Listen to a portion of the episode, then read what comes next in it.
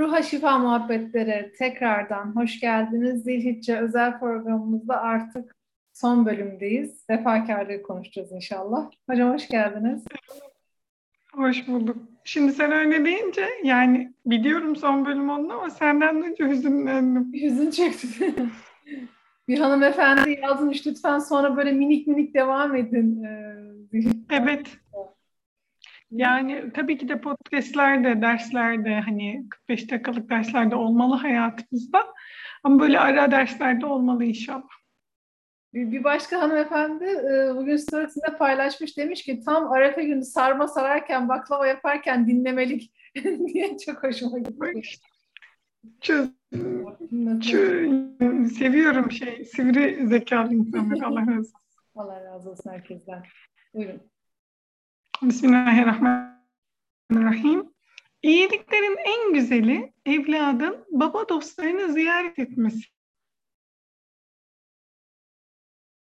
Yine Enes'ten nakledildiğine göre radıyallahu anh Resulullah sallallahu aleyhi ve sellem şöyle buyurmuş. Kıyamet gününde her vefasızın vefasızlığının göstergesi olarak bir sancağı olacaktır. Sancak nasıl bir şeydir? Elimize yani benim şimdi yanımda bir kalem var ama bunun bir sopa olduğunu düşünün.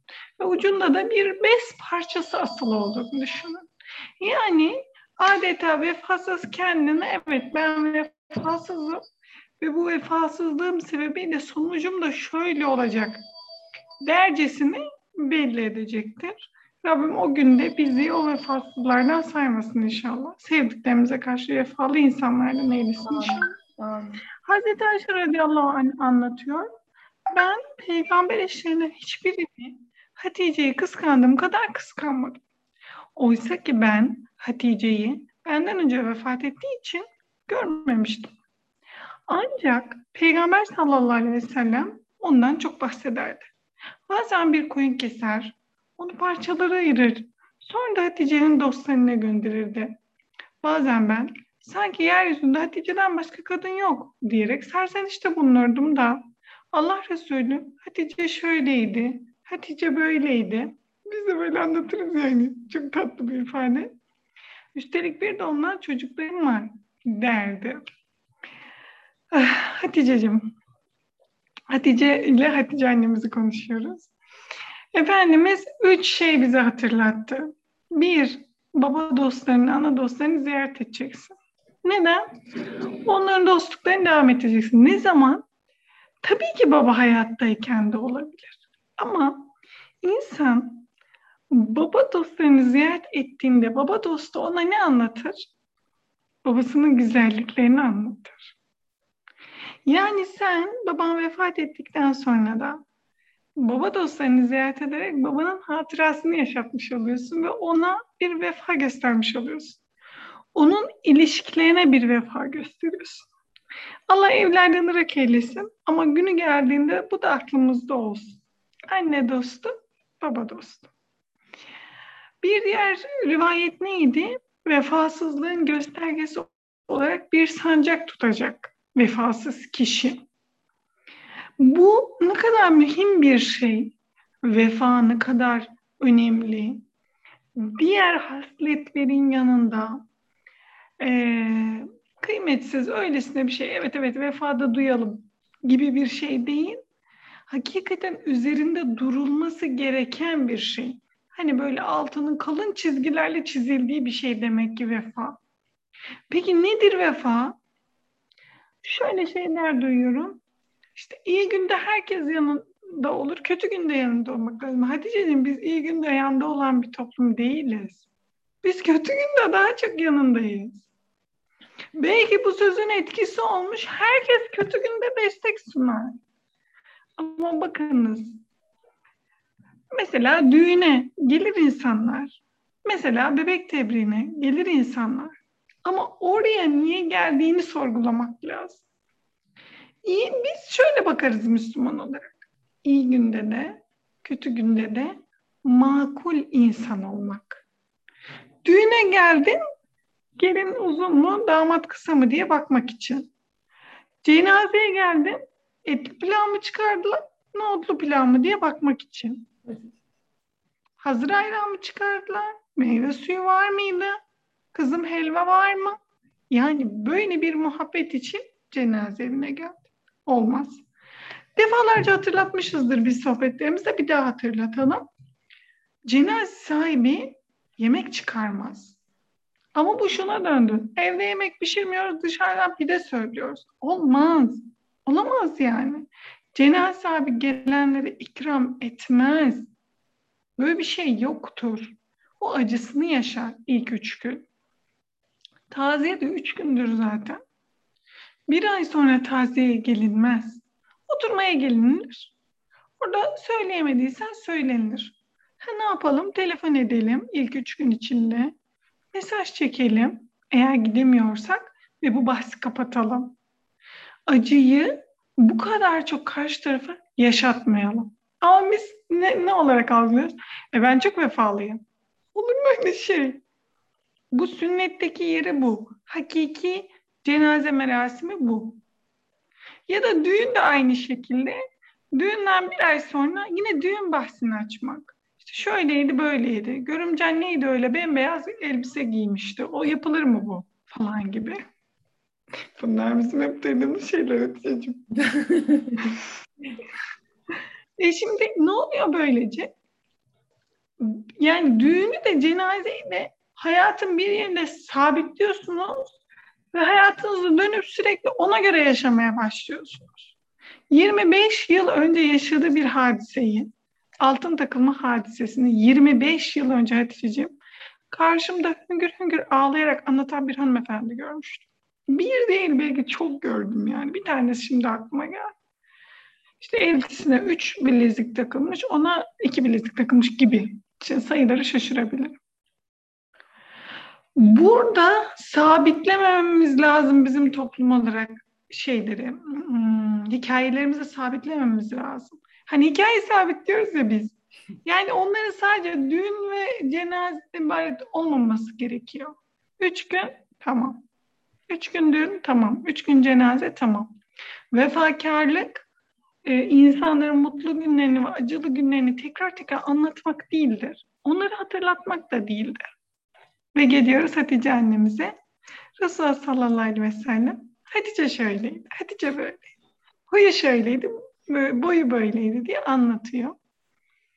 Efendimizin o sıradaki hanımı Hazreti Ayşe de 20 yaşlarında bir genç yani. Genç. Eşinin yanında ne var? Yanında kim anlatılıyor? 50'li yaşlarda bir kadın anlatılıyor. Allah Allah. Nasıl bir iş? E, Hazreti Ayşe tabii diyor ki yani kimseyi kıskanmadım o kadar. Bu kadar dürüstçe bunu ifade edebilmemiz bizim için çok önemli. Çünkü şunu bize veriyor. Bir insan insandır.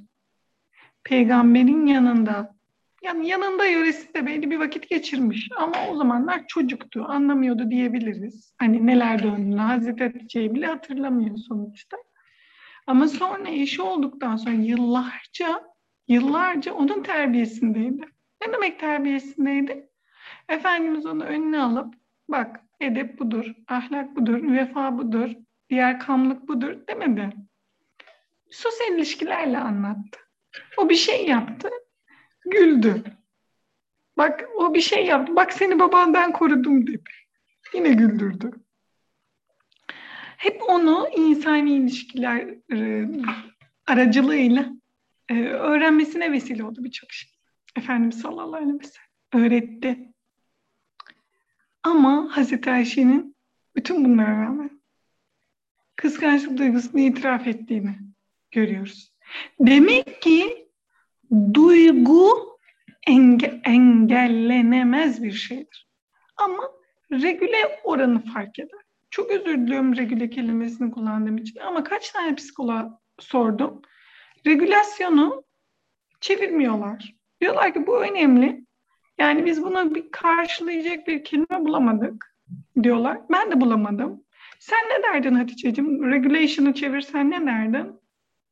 Orada ne anlatmak istediğini tam üç şey yapman lazım. Tamam söyleyeyim. Şöyle, insana duygu gelir. Bu duygu ile ne yapacağı insana kalmıştır. Hmm. Anlatabildim mi? Yani duygu içimden geldi.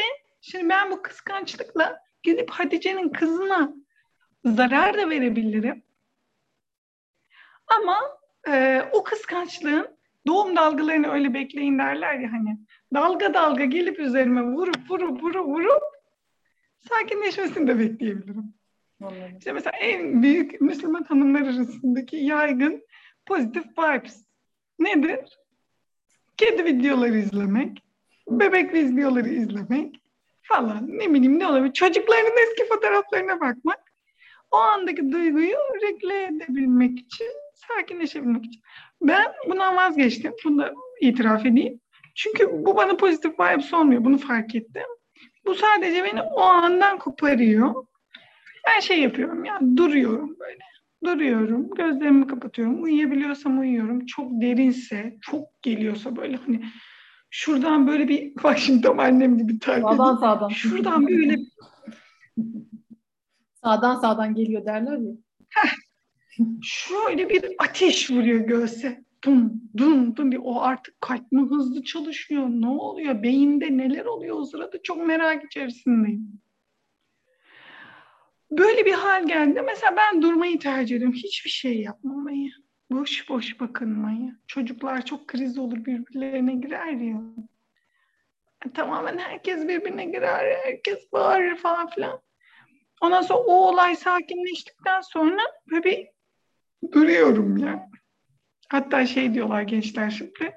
İnşallah gençlerden de birkaç kişi dinliyordur, güldürürüm onları. Mala bağladı diyorlar. Ne demek bilmiyorum o bu. Hani çok özür diliyorum. Hani öküzler boş boş bakarlar trene. Hani onu mu kastediyorlar bilmiyorum artık. Şimdi e, yeni bir terim öğrendim hocam bu hafta. GG diyorlarmış.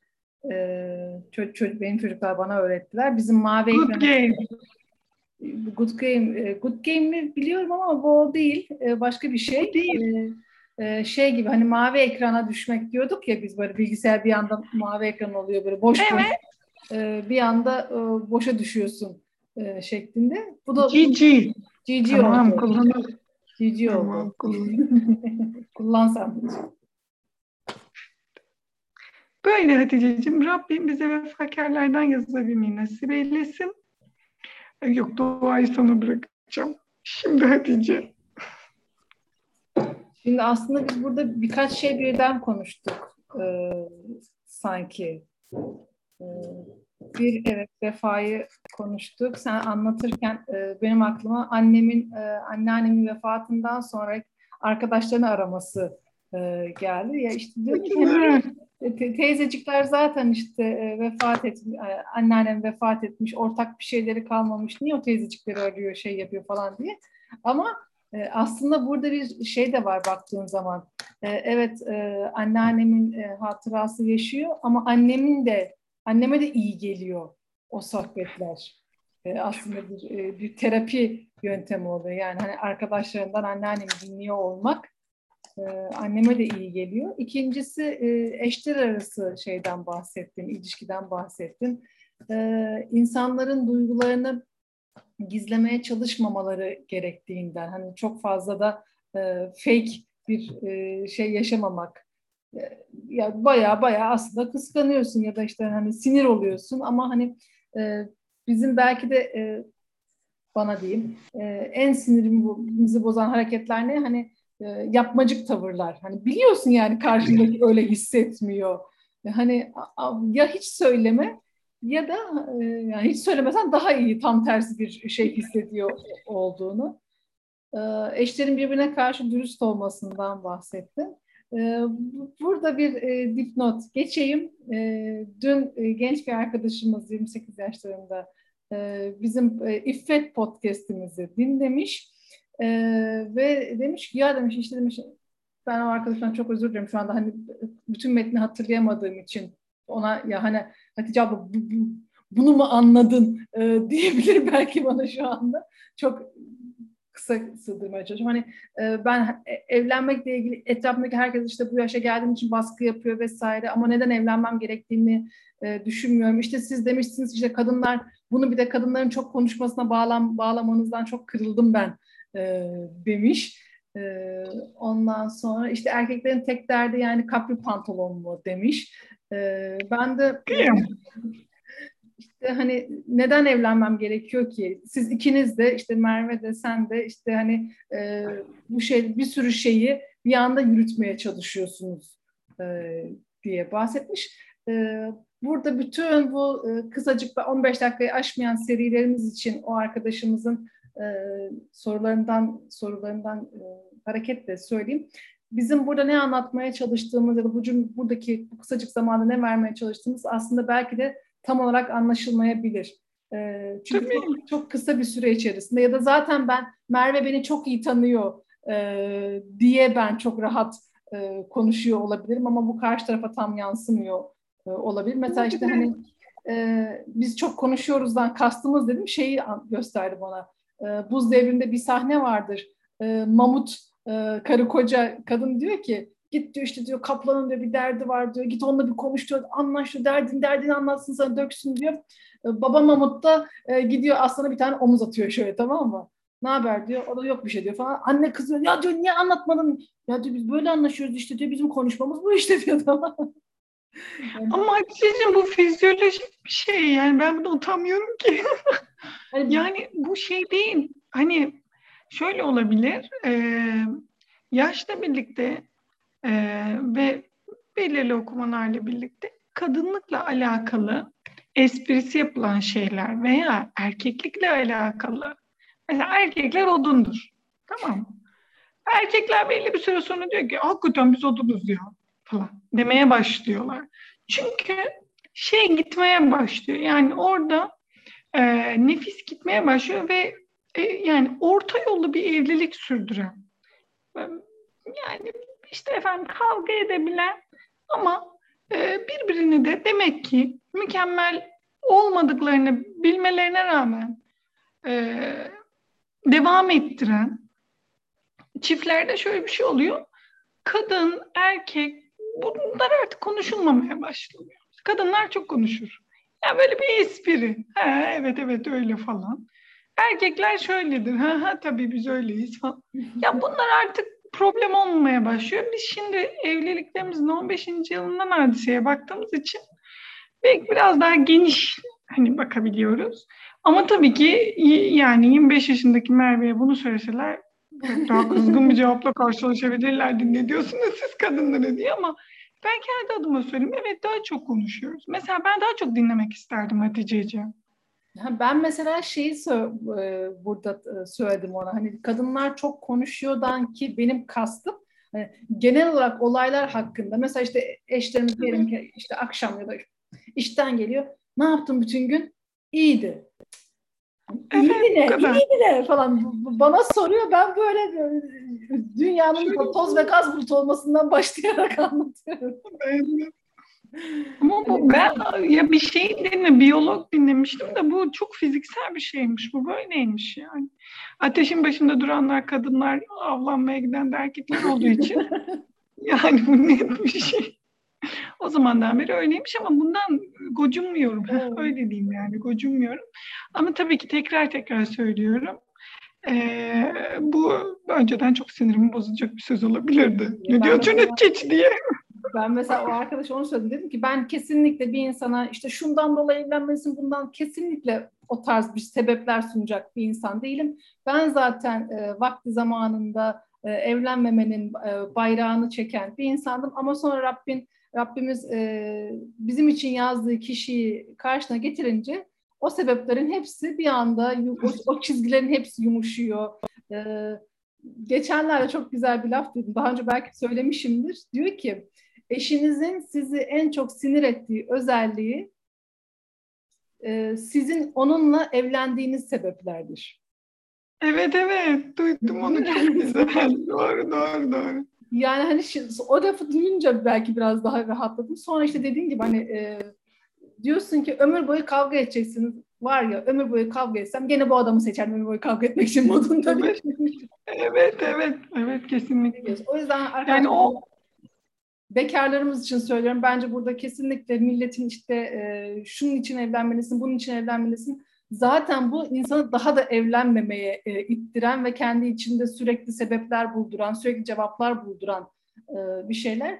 E, benim bekarlara tek bir e, duam var zaten hani tavsiye vesaire değil. Rabbim hem dünya hayatını hem de ahiretini güzelleştirsin. Tez vakitte hayırlısıyla buluştursun, kavuştursun. E, Amin. Bekarlarımızı bu vesile dua etmiş onu. Amin. Ama bizim de bunun için çaba sarf etmemiz gerekiyor evliler olarak. Yani çevremizden ama hani sosyal medyadan kimseyi evlendiremeyiz. Ee, çevremizden, doğal çevremizden, görüştüğümüz insanlardan ne yapmamız gerekiyor? Tanıştırmamız gerekiyor onları. Bak siz birbirinizi çok uygunsunuz. Hiç o ben bende olan bir yetenek e, değil. ben hatırlamıyorum Hatice'cim sayısını artık. Gerçekten. İşte Rabbim o yüzden biz bizim gibi az olanları böyle Merve gibi çok olanlarla ee, denge, denge, denge sağlıyor. Evet. Hani bir tane laf var ya, e, kısmetim de benim gibi, e, kısmetim gelir beni evde otursam bile bulur diyorsa ikimiz de ayrı evlerde oturuyoruz şu anda. Olabilir. Olabilir. Sonraki, Rabbim yardımcısı olsun. Sonraki bahsettiğin konu bence biraz daha e, şey bir konuydu, ağır bir konuydu. Belki ona ayrı bir podcast yapmak lazım hocam. Hatice yani, annemizin mi? Duygu regülasyonu mu? Duygu regülasyonu. Çünkü hepimizin içinde işte e, yani bu Rabbimizin bize fıtrat verdiği, hepimize verdiği. Hani var ya e, evet işte kıskançlık, işte öfke bunların harekete geçmek için bir miktar olması Bak lazım. Bak ne şu an ne geldi biliyor musunuz? Zeynep Hanım'ı da alalım. Hangi Zeynep? Ee, Zeynep Temizleri. Evet. Yani mesela ben bir yönden anlatayım, o bir yönden anlatsın. Çünkü ben hani onların sahasına girmek istemiyorum ama benim hadislerden gördüğüm hep şey bu. Yani mesela Efendimizin çok ilginç bir hadis şerifi var ve psikolojide bir ekol varmış. Ben bunu bir psikolog arkadaşı anlatın diyor öğrendim. Kur'an okuyorken ağlamıyorsanız da ağlıyormuş gibi yapın diyor mesela. Evet. Bu bana çok ilginç gelmişti. Çünkü bu yapmacıklık mı acaba? Hayır dedi bizde de özellikle bipolar bozukluk yaşayan, bipolar bozukluk değil yani genel olarak patolojik vakalarda isim koyduğumuz işte disosyatif, bipolar, obsesif, kompulsif fark etmez.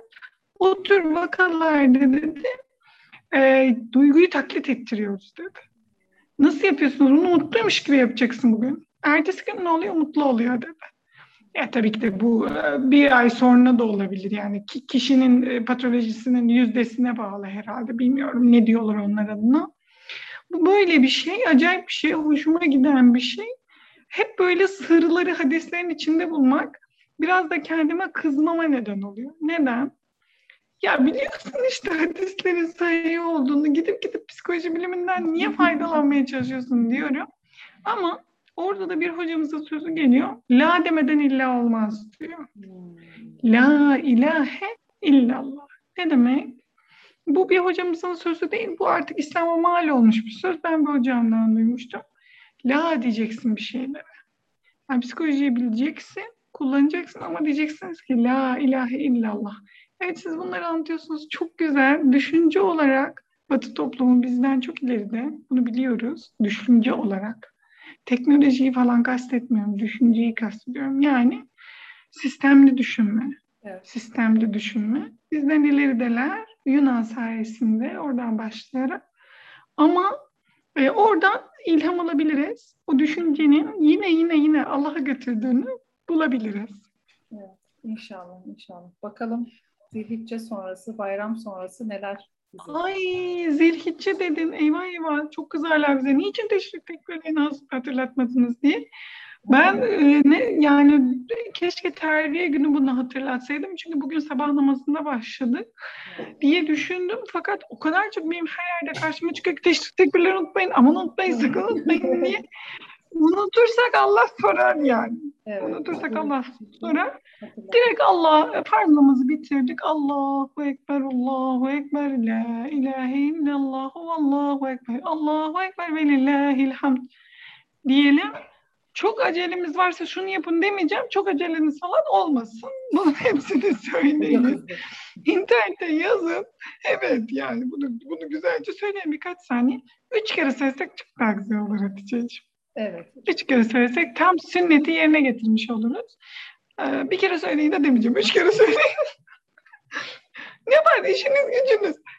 Yine şeyin başında yine söyleyin. Instagram'a kaç dakika harcamışız önce ben. Hiç. Hani Instagram'ı sildim biliyor musun? O kadar mutluyum ki. Maşallah. Üç gündür. Çok mutluyum. Şeyden senin attıklarını da bilgisayardan Bilgisayardan yükleyebilirim. Oh yüklüyorsun. mis. Tamam. Tamam. inşallah. Duamızı edelim. Bize bir dua et. Bakarsın belki yarın bayram Rabbim. duası edersin. Ay evet onu dedim. İnşallah ya Rabbim. Rabbim e, bizi anne baba dostlarını e, ziyaret eden vefakar kullardan e, eylesin. Rabbim kıyamet gününde e, alnı ak, yüzü ak, böyle bembeyaz, e, vefalı kullarından eylesin. Rabbim e, Resulullah sallallahu aleyhi ve sellemin Hatice annemize duyduğu vefa gibi bizlerin de eşlerimize bir vefa duymasını nasip eylesin, duymamızı nasip eylesin. Olumsuz özelliklerini beyin birdenbire bir dosya halinde karşımıza çıkartabiliyor. İşte şöyle de olmuştu, böyle olmuştu, şöyle yapmıştı, böyle yapmıştı gibi. Bunun yanında hemen, hemen onun iyiliklerine vefa edebilmeyi, vefa duyabilmeyi bizlere nasip eylesin. Buradan şu anlamda çıkmasın. Problemlerimizi konuşmayalım, bizi üzen şeyleri konuşmayalım demiyoruz. Ama dengeli gidelim diyoruz. Rabbim dengeli gidebilmeyi bizlere nasip eylesin. Ayşe annemizin dürüstlüğü gibi bize dürüstlük nasip eylesin. Onun bu notu bizim için çok önemli. Allah ondan razı olsun. Sadece bu hadis değil, e, bize aktardığı binlerce hadis için Rabbim ondan razı olsun. Şimdi belki karşılıklı oturuyorlardır Hatice annemizle bir yerlerde. Rabbim ikisinin de ruhunu şad eylesin. Onları cennetin en güzel köşesinde ağırlasın. Bizleri de onların sofralarına oturabilen, e, onlarla sohbet edebilen, onlarla dertleşebilen diyeceğim. Dert yok artık şeyde, cennette. Onlarla böyle güzel içecekler içip, güzel sohbetler eden kullardan eylesin inşallah. Amin, amin, amin. İnşallah hep beraber tüm podcast dinleyicilerimize beraber Rabbim cennet sofralarında kavuşabilmeyi nasip etsin inşallah. Amin. Şimdiden hepinizin bayramı mübarek olsun. Rabbim tekrardan bir sonraki yayınımızda hayırlı haberlerle, dualarımızın kabulüyle kavuşabilmeyi nasip eylesin inşallah. Cümleten selamlar. Allah'a emanet olun.